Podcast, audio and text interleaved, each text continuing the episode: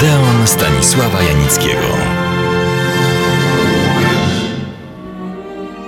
Jest taka anegdota, którą z lubością przy każdej nadarzającej się okazji przytaczam, bo charakteryzuje wspaniale jej charakter, temperament, usposobienie. Dobijała do dziewiątej dziesiątki.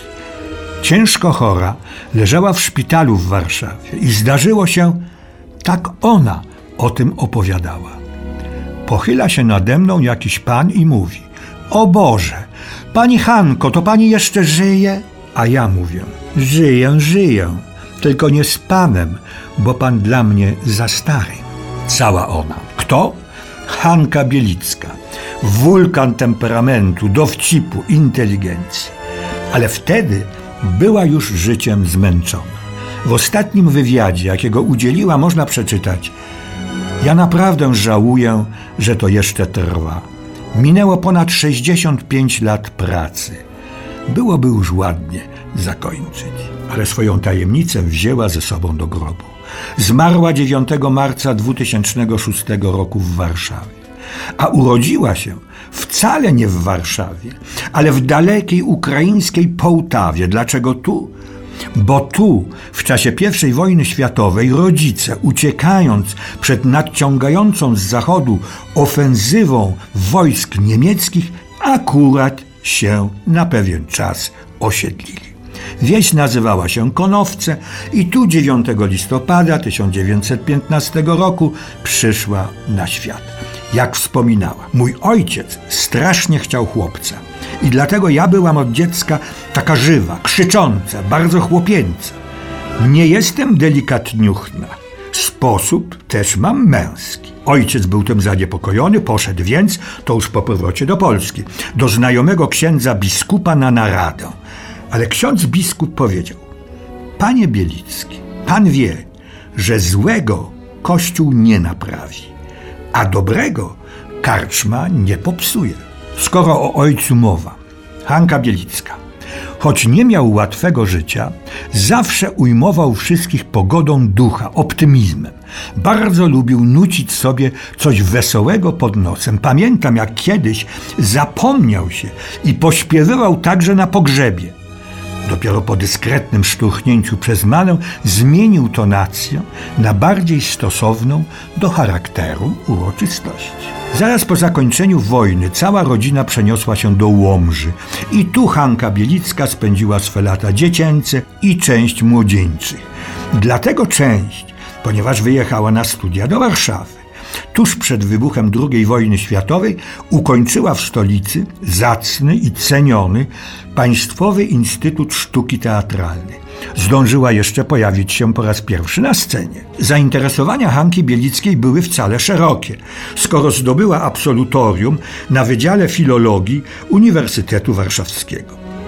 Nie chcąc długo terminować na scenach Warszawy, bo ciągnęło ją do pracy samodzielnej, wraz z Danutą Szaflarską, Jerzym Duszyńskim znalazła się w Wilnie, w Teatrze Polskim na Pochulance. To była dobra szkoła, powie później. Ona wojnę przeżyła, ale nie jej najbliższa rodzina, jak wspominała. Tata, mama, babcia, siostra Marysia i przyrodni brat spędzili 7 lat na zesłaniu w Kazachstanie.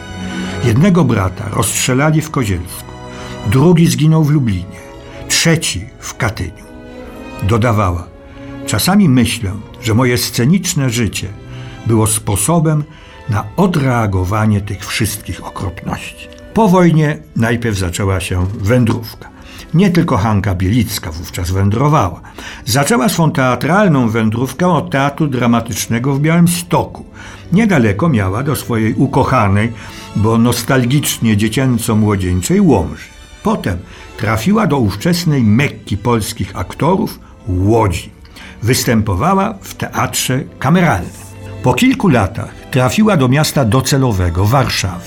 Najpierw do teatru współczesnego, jednej z najlepszych scen stolicy, oraz do przybytku lekkiej muzy, czyli teatru Syrena. Ale Hanka Bielicka najlepiej czuła się w kabaretach i na estradzie. Tu prezentowała wszystkie swoje aktorskie atuty. Jak napisano trafnie, wygłaszała monologi z ogromnym temperamentem, witalnością, sympatią dla publiczności, posługiwała się śmiechem i uśmiechem. Preferowała żart obyczajowy, unikając polityki choć czasami na temat polityki, a raczej polityków się wypowiadała, oczywiście w jej stylu, na przykład o Andrzeju Leperze. To demagog, to taki w stylu Shelley. Zresztą przez tę parę lat mocno się wyrobił. Gdyby kształcono go od dziecka, byłby potężny jak Witos. Wyrabia się na naszą zgubę. Sobie, jako zajmującej się polityką, jestem taki politykier, że cholery można dostać. Jestem zawzięta, mam obciążenia rodzinne, więc wszystkich bym ich. Tak ogólnie to byliśmy narodem umęczonym, ale ciepłym, pogodnym i serdecznym. Dużo niestety z tego straciliśmy. A o sławnych kapeluszach Hanki Bielickiej, jej życiu damsko-męskim, rolach telewizyjnych, radiowych i filmowych opowiem Państwu za tydzień. Do usłyszenia.